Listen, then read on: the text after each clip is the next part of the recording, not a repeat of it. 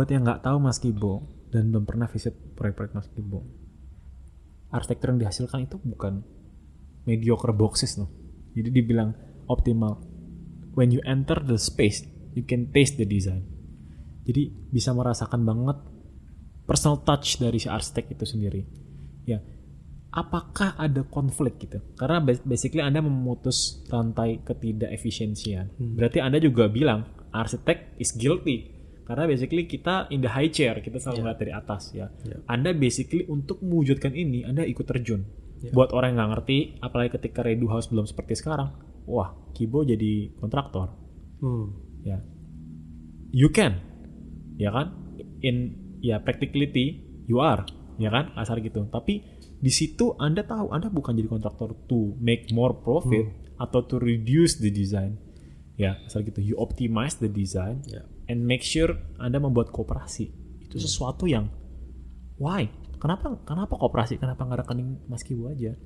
Kenapa nggak? Ngerti kan kasar gitu. Oke, oke. jadi that's like when that period happen apakah anda bisa cerita gitu? Apa yang terjadi? Ya, eh sebenarnya kalau saya gue pikir-pikir juga ya, sempat kan pasti kita berpikir terus ya. Kalau gue pikir-pikir, oh ini dulu kalau gue nggak bikin koperasi, gue bikin kontraktor aja, gue udah kaya banget. benar benar Kalau kita hitung-hitung gitu ya. Tapi eh ya ternyata kayaknya emang spirit gue nggak di sana gitu, Chat. Gue tuh gue tuh lebih seneng kayak koperasi sekarang, tapi gue main ke proyek gue ngulik gitu-gitu loh. Kebahagiaan gue mungkin di situ kali ya. and that's amazing Eh, ya mungkin kalau lihat personal touch-nya juga gara-gara ya itu emang proyek gue pagi bangun tuh gue keliling ke proyek siang baru gue ngantor gitu. Nah kesenangan gue di situ karena emang awalnya kan gue memang nggak mau jadi arsitek cat. Hmm. Jadi kesenangan gue itu adalah tentang eh, mekanisme, tentang manufacturing, Hmm. terus eh, fisika gitu-gitu ya dan craftsmanship gitu loh. Jadi eh itu sih kesenangan gue gitu loh sebenarnya. Dap- daripada mendesain sebenarnya itu kesenangan gue. Jadi desain tuh sekarang gue eh, ya masih masih SketchUp gitu ya masih bikin juga. Tapi kayak detail-detail tuh lebih banyak gue di lapangan. Yes yes. Gitu. onsite ya? Hmm. onsite. Dan itu juga nggak mahal ya maksudnya. That's true. Karena udah ada sistemnya. Udah jadi ada misalnya sistem, gini kayak orang mau bikin eh, tukang tukang baja mau bikin eh, mau bikin railing gue udah tahu jadwalnya nih. Oh ini hari ini gue ke sini dia mau mulai bikin baja gue harus ke sana dulu nge-brief jadi minimal banget gambar kerja gue gambar kerja tuh standar. Jadi biasanya gambar kerja itu buat railing itu pola pemotongan segala macam gitu. Tapi soal tekukannya segala macam itu gue onsite. Jadi dia udah tahu tuh kalau mau bikin baja project manager udah ngasih ngasih tahu oh besok proyek ini mau bikin railing nih ke proyek ya. Hmm. Ke proyek itu selesain masalahnya semua. Ini di sini ketemu ini di sini ini ini di sini di sini di sini udah selesai gitu. Dan jarang klien komplain dengan desain anda. Ya gitu. Karena ba- a- ada juga ada juga yang komplain. Tapi eh, selalu ada alasan yang cukup cukup tepat buat itu nggak bisa dirubah gitu loh. Karena itu dasar banget. Yes. Eh, apa detail-detail redos itu dasar banget sebenarnya. Yes. Jadi untuk hal dasar kan sebenarnya orang nggak bisa merubah gitu ya. Yes Gitu. pola pikir logiknya bisa betul ditemukan betul. bukan bukan kalau yang bisa dirubah sama klien itu biasanya detail-detail yang kita yang mau. Bukan kebutuhan dari proyek gitu saya banyak banget pertanyaan cuman sebelum saya masuk ke pertanyaan yang berat Hmm. cerita sedikit dong. Kalau andai kata saya ketemu Mas Kibo Hmm. waktu SMP ya. Mas Kibo tuh orangnya seperti apa sih? SMP SMP itu gue pulang sekolah gue jaga toko cat Hmm. jadi kar, eh, jadi ya gue cerita. Kita gue gak pernah cerita nih. Jadi Hmm, cerita dong. gua Eksklusif. SMP ya. SMP itu gue kan ini eh, bokap bokap nyokap kan pisah kan ya. Yes. Jadi gue kehilangan sosok bapak bapak lah ibaratnya. Jadi gue pulang sekolah itu ada bapak angkat gue Hmm. dia jualan dari dari dia jualan emperan sampai dia punya toko itu gue nemenin dia gitu loh ya. Hmm. Jadi nemenin dia jualan. Jadi gue tuh dulu jualan clothing clothing gitu. Jadi setelah pulang pulang pulang SMP karena gue nggak ada punya temen jadi gue selalu berteman sama orang dewa orang yang lebih dewasa dari gue Hmm. dan dia bapak angkat gue itu adalah orang punya wawasan yang sangat tinggi meskipun dia cuman jaga toko gitu. Jadi dia setiap hari itu baca koran. Hmm. nah dari situ gue belajar membaca dan menambah wawasan gitu loh. Jadi gue dipaksain sama dia baca koran. Jadi membaca ya bukan baca koran membaca. Jadi membaca menghargai pengetahuan eh, melihat dengan kacamata yang lebih luas sebagai manusia. Jadi eh, gue kan Islam. Bapak bapak angkat gue tuh adalah seorang Kristen. Hmm.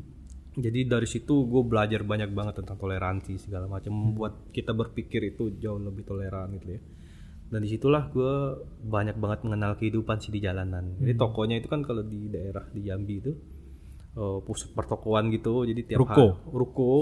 Terus lu eh, bersinggungan dengan banyak orang dari mulai copet sampai orang-orang di jalanan lah gitu ya. Nah itulah setiap hari gue hampir setiap hari gue di situ pulang sekolah terus baru gue pulang. Hmm. karena ibu gue kerja kan ibu gue eh, waktu itu kepala rumah sakit. Jadi sibuk banget jadi pulangnya sore terus jadi daripada gue di rumah nggak ada temen gitu ya gue lebih baik jaga toko baru pulang jam 5 di rumah gitu. Udah gue ter- gitu. terekspos dengan many things ya. since the early age ya. betul. Nah kan kalau gue nggak gitu gue akan hanyut sama kesedihan. Hmm. karena ya bayangin SMP apalagi daerah ya belum ada wawasan tentang bagaimana kita menghadapi situasi-situasi psikologis yang orang tua berpisah ya ya dengan dengan adanya bapak gue gue punya sosok gue diajarin gue belajar sehari-hari di eh, jalanan gitu Hmm. Apa yang membuat anda mau jadi arsitek atau kapan mau jadi arsitek?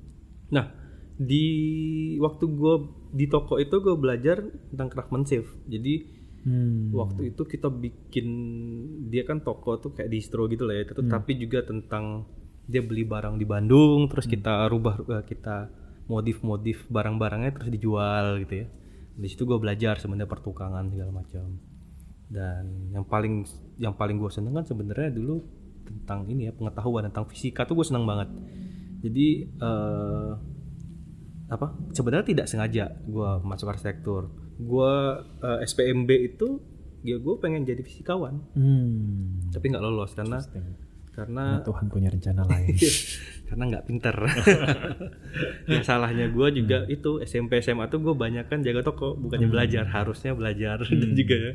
Nah itu jadinya Nggak pernah tahu ya jalan dari mana muncul. Iya betul. Akhirnya ya jadi- pengennya jadi kalau enggak ah gue juga suka seni ya gara-gara gue bergaul di toko itu kan gue banyak melihat media-media grafis. Gue jadi suka. Jadi eh, bapak angkat gue tuh bilang kalau lu mau jadi seseorang sesuatu lu harus tanya sama diri lu sendiri lu ngapain aja sebelumnya gitu ya gue mempelajari ternyata gue suka seni gue suka eh, manufacturing dan gue baca itu oh yang deket tuh arsitektur akhirnya gue kerja di eh, apa ngambil jurusan arsitektur gitu. Oke. Saya mau ada kasih tiga pertanyaan beruntun ya, Hmm, agak banyak berat. banget ya Kalau saya ya eh, mau bikin rumah Hmm. Redo House. Pertama biar audiens tahu. ya Sekarang kita lagi rekaman di November ya, 2021. Sekarang Redo House yang sudah mulai dieksekusi berapa? Eh, udah masuk ke Reduas mau ke 40 sih Mau masuk ke 40 Redo House luar biasa. Dalam waktu berapa tahun? lima tahunan Dalam waktu lima tahun itu luar biasa. Tapi pertumbuhannya eksponensial ya, Iya. nggak stagnan ya, dasar gitu. Eh, kalau pertanyaan seperti ini, mungkin saya akan coba refresh. Apakah kalau saya membuat rumah yang istilahnya optimal, kalau saya jadi Mas Kibo, apakah ya udah lo harus daftar Redu House? Atau Anda lebih mau menyebarkan ilmu Redu House ini Hmm.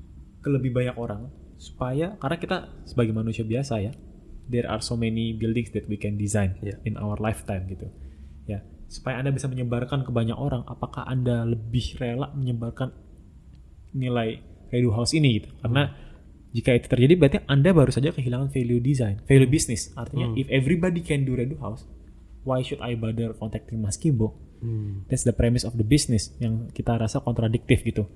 Jadi kalau misalnya boleh secara singkat apa ini sebenarnya ketika Anda menjawab ini akan ada pertanyaan berikutnya gitu. Jadi apakah Anda lebih rela untuk share this in specific way supaya as many people can enjoy the optimum living ya atau that's my business uh, secret sauce ya. Jadi kalau Anda mau daftar Redo House. Hmm. pengennya sebenarnya saya teh, pengennya buat semua orang Hmm. makanya gue sel ya, ya buku tentang manifestasi reduksi kan lagi jalan juga ya Hmm. buku itu Udah berapa lama kalau boleh tahu jalannya? Persiapan. Eh, uh lama banget. Itu udah tiga tahun belum selesai. Karena ketika gue mau menyelesaikan itu ternyata muncul lagi satu manifestasi lagi manifestasi. Jadi gue nggak mau buru-buru buat menyelesaikan itu. Hmm. gue pengen itu jadi sebuah pengetahuan yang komplit gitu loh supaya orang bisa eh, nggak cuman ngelihat oh ini bagus oh gitu. Nggak tapi bisa dipraktekkan gitu loh. Mimpi gue kan dulu gitu. Gue pengen eh, punya Redu House Institute supaya orang belajar tentang Redu House gitu. Tapi ternyata harus punya spirit yang sama kayak gue maksudnya mau turun langsung ke lapangan itu susah Hmm. Itu, yang, susah. sulit ya. Itu yang belum, understand. belum belum tentu semua orang mau kontrol tukang belum tentu o- semua orang mau punya capek-capek buat bikin sistem kooperasi yang sebenarnya nggak menguntungkan secara bisnis Hmm. gue tuh secara bisnis yang paling menguntungkan adalah desain Hmm. bukan rekoperasi rekoperasi sama sekali mungkin dibilang nggak banyak menguntungkan Interesting. Desain sangat menguntungkan tapi rekoperasi enggak Hmm. gitu Ah, nah or, buat orang mau memakai sistem Redwas dia rela bisa rela nggak dengan itu betul. gitu. itu yang Ada banyak susah aspek di luar dari sekedar desain untuk Iya. bisa me- me- membuat itu sangat efisien. betul Jadi kalau mungkin buat peserta yang bukan arsitek, eh, mungkin seperti ini. Dari perancangan sampai jadi blueprint itu ada jiwa-jiwa redo design di situ. Hmm. Yang kalau diaplikasikan tentu saja akan efisien. betul Yes. Tapi ketika dari desain sampai aplikasi itu juga ada another layer itu of yang layer dan gitu. itu yang sangat sulit, tricky. itu yang sulit Ha- Harus ada particular betul condition to meet ya kasar Iya. gitu. Nah, tapi at least kalau dia mengerti prinsip redo house, dia halfway there. betul gue pernah coba jadi Hmm. Redo House gue karena waktu itu lagi ram, eh, lagi nggak kepegang gue coba lempar ke kontraktor sulit Sulit. sulit dia jadi ya kita membebani kontraktor karena Ya. dia nggak untung terus dia nggak enak sama kita kan jadinya hubungan jadi nggak baik gitu loh ya Betul, betul. itu yang gua nggak pengen gitu loh kecuali ada emang kontraktor yang mau kayak gitu gitu Mereka- Itu jawabannya yang sangat bagus. Makanya ada valuable guest di Radical Idealis. Oke. Pertanyaan susulan karena Hmm. jawabannya pu- puji Tuhan tepat ya. Oke, pertanyaan susulan adalah seperti ini. Kalau Anda memang mau menyebarkan ini supaya orang bisa sebanyak-banyaknya at least lebih memahami Hmm. tentang uh, pembangunan yang optimal ya, meminimalisir mereduksi unnecessary elements dalam perancangan ya. Uh, apakah ini akan masuk ke ranahnya sosialis? Eh, Apakah Anda iya. nggak takut dilihat seperti itu? Eh, gua rasa nggak nggak perlu takut ya karena menurut gua di masa depan Redo House itu bukan sekedar arsitektur kalau gua ngelihat masa depannya. Hmm. adalah sebenarnya cara kita memandang kehidupan di tengah kemajuan gitu ya.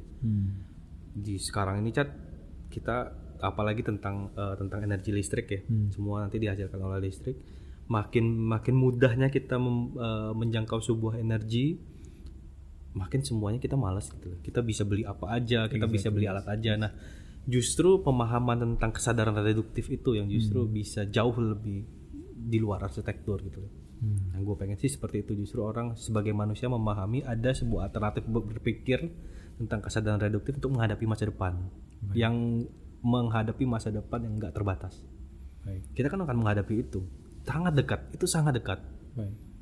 sangat dekat menurut gue Pertanyaan susulan berikutnya. Kalau memang tujuannya adalah untuk bisa menyebarkan ya Hmm. desain dan value ini kepada lebih banyak orang, ini berarti udah beyond architecture, to be honest ya. Was it possible to be integrated with startup? Eh, Artinya di sini akan ada peran kapitalis. Ternyata saya melihat, wow, this is a noble cause. Yeah. Dan saya, I got hefty lot of money. Oke, if I just invest on you, hmm. how fast can you grow this radio house? Karena sekarang Anda pasti punya problem dengan scalability. Hmm. Ya, tetap ter, terlampau number nggak bisa. Kalau kita sebutnya di bisnis quantum leap. ya Satu ke dua, dua ke empat, empat ke delapan, delapan ke enam belas, Hmm. dan sampai seratus, seratus ke seribu gitu ya, gitu. Ya, kalau misalnya ini luar biasa dan dengan bantuan capital, Anda Hmm. bisa buat masuk ke arah manufacture karena you are halfway there. Anda Ya. punya prinsip-prinsip modul segala macam kan. Hmm.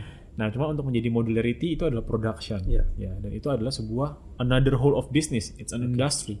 Ya, tapi dengan a good startup, a good capital, ya kan? Uh, if you can find an investor, Hmm. right? Have you ever think of it or are you already on there or Hmm. can you share? Ya, jadi kalau gue melihat itu sebenarnya belum tentu menurut gue belum tentu juga investor mau karena ini nggak menguntungkan pertama tapi kalau me- mereka melihat jauh lebih luas lagi gue rasa bisa-bisa aja apalagi kalau mereka berpikir tentang reduas mikro Hmm. reduas mikro itu masa depan buat orang buat punya rumah jadi hasilnya itu bukan cuma rumah kita bisa membuat rumah apartemen rumah yang bisa didanain bareng-bareng Ya. dengan misalnya gua Mas Erwin mau punya rumah bareng-bareng lu nggak perlu lagi butuh developer Ya. lu butuh sebuah aplikasi yang bisa menghubungkan lu dalam teknologi blockchain sehingga kita uh, bisa punya smart contract sendiri nggak ikut sama negara terus kita bikin rumah bareng-bareng itu menurut gua masa depan yang pengen gua raih di Redu House ya Betul, kemungkin bagus. kemungkinannya bagus. kemungkinannya uh, nggak ada tapi gua nggak mau berhenti berpikir itu itu actually mungkin banget. Blockchain Mungkin ini un- blockchain is one way to socialize. Kalau menurut gua orang-orang bela- belajar blockchain dan belajar tentang eh, apa tentang Bitcoin segala macam itu menurut gua masih sedikit banget. Eh, a s- krip- cryptocurrency itu tuh memang baik, tapi Just sangat sedikit. surface. It's just the surface of Kalau the blockchain. kalau kita belajar tentang blockchain lebih jauh, waduh itu luar biasa. Itu sebuah inovasi yang luar biasa sih. Apalagi kalau kita tahu bahwa di, di atas blockchain itu ada sesuatu yang lebih luar biasa lagi gitu. Nah itu bisa diterapkan di mana pun, arsitektur tentang terutama tentang rumah tinggal ya. Menurut gue tuh masa depan yang luar biasa yang mas gue masih juga belajar Chat. Hmm. Eh, dan gue nggak mau nggak mau ya banyak teman-teman gue belajar disuruh ya cari penghasilan di cryptocurrency ya. Tapi menurut gue itu Trivial. Itu It's just itu a itu, itu It's bagus just a beginning. itu bagus dan menghasilkan memang tapi menurut gua gue lebih tertarik belajar yang lain gitu Hmm. tentang blockchain secara lebih luas dan itu bagaimana blockchain menyelesaikan banyak gitu masalahnya terutama di negara berkembang kayak di Indonesia Pasti. For sure untuk negara-negara yang lebih ya decentralized mungkin itu akan sangat menguntungkan. Eh, ini bagus banget karena sayang banget kalau andai kata I'll just ask another question ya. Misalnya saya adalah seorang dengan modal, I happen to stumble this discussion either in podcast atau in YouTube gitu ya. Eh, if I'm an investor, Ya. first question, ya, would you be interested? Ya, say kita bisa monetize this in the system. Nggak semua startup itu money driven. Ya. Ya, that's one. Ya, but harus sustainable ya Ya. as a business gitu. Oke. Pertama, apakah anda interested? Kedua, if you are, what will you pitch me? Oke, karena anda semua basically you have the secret sauce, ya. It's just the you just just need the capital. Ya. Pertanyaan yang sulit sih. Eh, ya. Hmm. Gue agak sulit. Hmm, Yang bisa aja. Jadi- So, yang bisa di share yang boleh di share. Oke, jadi gue yakin banget Redua tuh punya masa depan karena For sure, Pak. setiap orang tuh eh, butuh rumah ya. For jadi sure. selama orang masih butuh rumah dan eh, cara kita berpikir tentang rumah itu bisa jauh lebih luas lagi tentang eh, bukan tentang bagaimana kita punya rumah dan eh, tinggal di situ gitu loh ya. Eh, Redu House menurut gue bisa jadi suatu alternatif masa depan sih gitu jadi tapi tapi ya itu gue juga masih masih membayangkan yang lebih lau- lebih luas Sebenarnya Mas Kebo, Hmm. ini mungkin intermezzo. Mas Kebo pernah dengar eh, Filipin, ya kan sama-sama negara berkembang Hmm. Ya. ya. Anda tahu nggak unicorn pertama Filipin apa? ya tahu revolver Replicated Amazing. Ya. Pertanyaannya adalah, saya nggak tahu ya kontroversinya ya. Hmm. Let's not talk, talk about controversy. Negara berkembang seperti Filipina, ya. Unicorn pertama dari startup teknologi mereka adalah perihal modular house. betul Ya, which I'm not sure ini masih berjalan atau enggak ya Ya. di bisnis mereka ya, ataukah ini hanya gorengan? I'm not sure. Oke, cuman the fact bahwa unicorn pertama mereka adalah dari tiga aspek kan, papan kan kita Ya. pangan sandang papan. Ya, sangat make sense. Seperti Ya, anda betul. bilang, selama saya hidup semua orang mau punya rumah. Ya. Saya mau punya rumah, Mas Erwin punya rumah, ya kan? Tali anaknya dua mau punya rumah, Ya. Besar gitu. It's exactly. Ya. Eh, tapi kenapa saya agak skeptis? Hmm. adalah karena Indonesia itu adalah negara maju beberapa puluh tahun yang lalu. Se- ya tentu saja kan tidak ada era blockchain ya. Ya. Blockchain will change the world. I know. Ya. Oke, cuman problemnya di sini sebenarnya kalau saya boleh tanya adalah sebenarnya bukan rumah. Hmm. Ya, Jadi kalau kita inflasi pembangunan itu tergantung dengan energi. Betul. Karena kita energi disubsidi, ya Betul. inflasi kita bisa ditahan. Ya. Tapi inflasi tanah tidak bisa ditahan. Betul. Jadi kalau saya punya duit buat beli rumah di area Jabodetabek gitu istilahnya. Ya mungkin akan bagus kalau saya bisa bangun rumah secara optimal, but maybe I don't have to karena Betul. in a sense saya land owner. Ya. Ya, land is land bank is the true capital. Dasar gitu. Betul. Jadi pertanyaan saya adalah bagaimana uh, pandangan Mas Kibo gitu. Although Hmm. bangunan modular dan apa pun karena Indonesia sangat luas ya dan kita nggak harus centralized di sini Betul. kita bisa menyebar di mana saja itu a hot hot, hot business gitu Hmm. dan kalau saya jadi investor I would love to pitch Ya. hear your pitch gitu Jadi gini, eh, saya tuh dulu berpikir Redwood eh, me- me- apa, memposisikan Redwood itu bahwa memberikan kesempatan yang sama buat orang tuh punya tanah dan punya rumah. Tanah Tanah dan punya rumah seperti orang-orang lain yang punya uang gitu. Ya Hmm. kalau kita lihat ya ya kita ketimpangan ekonomi kita tinggi Iya. banget ya. Hmm. Jadi eh, orang lain dengan sama manusia yang sama gitu punya bisa punya rumah dengan luas dengan tanah yang luas tapi sementara orang sat- satu sisi di kelas lain sangat susah banget punya luas eh punya punya tanah ya jadi ya punya tanah itu artinya kan mem- mereklaim bahwa mereka adalah makhluk yang sama di muka bumi yang bisa membeli yang sama gitu ya tanah. Nah tadinya saya awal gitu oh, memperjuangkan bagaimana orang punya tanah yang sama. Tapi sebenarnya setelah belajar blockchain ternyata itu bukan satu hal yang penting sebenarnya. Jadi justru kepemilikan tentang investasi tentang apa ya kepemilikan suatu aset tapi belum tentu berwujud rumah. Belum tentu berwujud tanah gitu.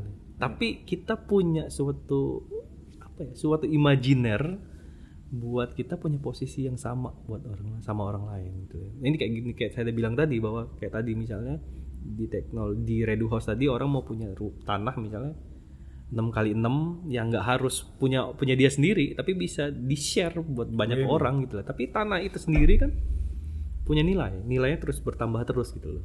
Nah, itu yang dijadikan. Jadi antara kalau cryptocurrency kan itu nggak fisik ya. Hmm. Tapi dari dua sini kita menghubungkan antara nggak fisik sama fisiknya ada juga gitu. Jadi sangat kuat secara fundamental gitu. as long as people live we still need a physical manifesto Ya. despite the technology. That's why di era crypt, uh, di era blockchain, some say Ya. who controls the food Hmm. is the real winner. Makanya kalau anda lihat uh, quote unquote filantropis, Iya. sekarang lagi sibuk mendominasi dan monopoli pangan. Pangan. Ya. Artinya papan juga karena Betul. seberapapun tagnya kita, kita tetap manusia butuh tempat, butuh Betul. makan, butuh baju. I think those fundamentals will never go gitu ya. Dan Tapi tapi cat papan itu justru terbatas. really, Karena kita makin banyak manusia yang makin banyak ya makan bisa mungkin nanti kita bisa makan pakai pil aja atau segala. Tapi ma- ru- kita sebagai wujud tubuh yang manusia yang bertubuh ini membutuhkan ruang gitu dan ruang itu terbatas gitu ya. hmm. Nah itu yang itu yang menurut gua sangat banyak makan energi gitu loh ya. Hmm. Orang bisa satu orang tapi punya tanah yang gede banget gitu, sementara satu orang lagi butuh yang paling minim buat tanahnya dia gitu, buat tubuhnya dia gitu. Hmm. Secara keruangan itu yang menurut gua ah, itu yang mungkin nggak bisa tergantikan gitu loh ya. Hmm.